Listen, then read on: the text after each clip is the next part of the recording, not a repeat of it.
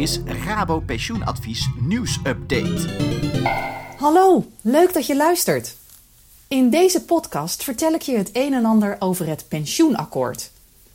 Deze podcast is mede mogelijk gemaakt door John Pijvers, pensioenexpert bij Rabo Pensioenadvies.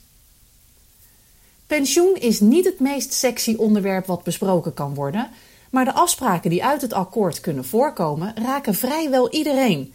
De kans is dus groot dat dit jou ook zal raken. De regering, werkgevers en werknemers hebben afspraken gemaakt over een aantal veranderingen in het pensioenstelsel van Nederland.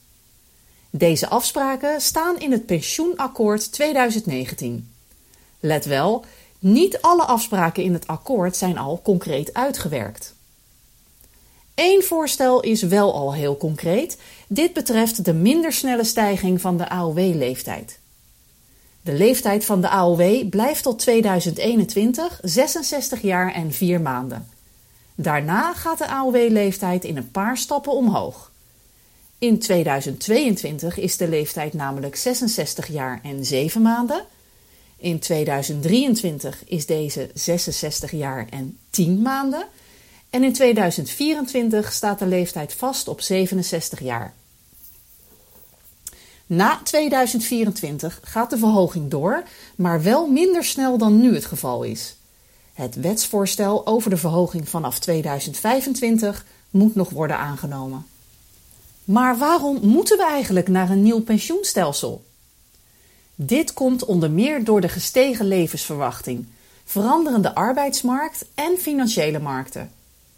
Financiële schokken kunnen niet meer adequaat worden opgevangen door vergrijzing en het afnemen van het aandeel jongeren in de bevolking. Daarnaast is er een eeuwige discussie over de verdeelregels tussen jong en oud en is indexatie van de pensioenuitkering tegenwoordig iets bijzonders. Uit het verlanglijstje van het regeerakkoord kwam onder andere het afschaffen van de doorsneesystematiek. Hiermee verandert de manier waarop de premie over generaties wordt verdeeld. Invoering van lump sum op pensioendatum. Dit is een eenmalige opname van maximaal 10% van het pensioenkapitaal. En geen pensioenplicht voor zelfstandigen.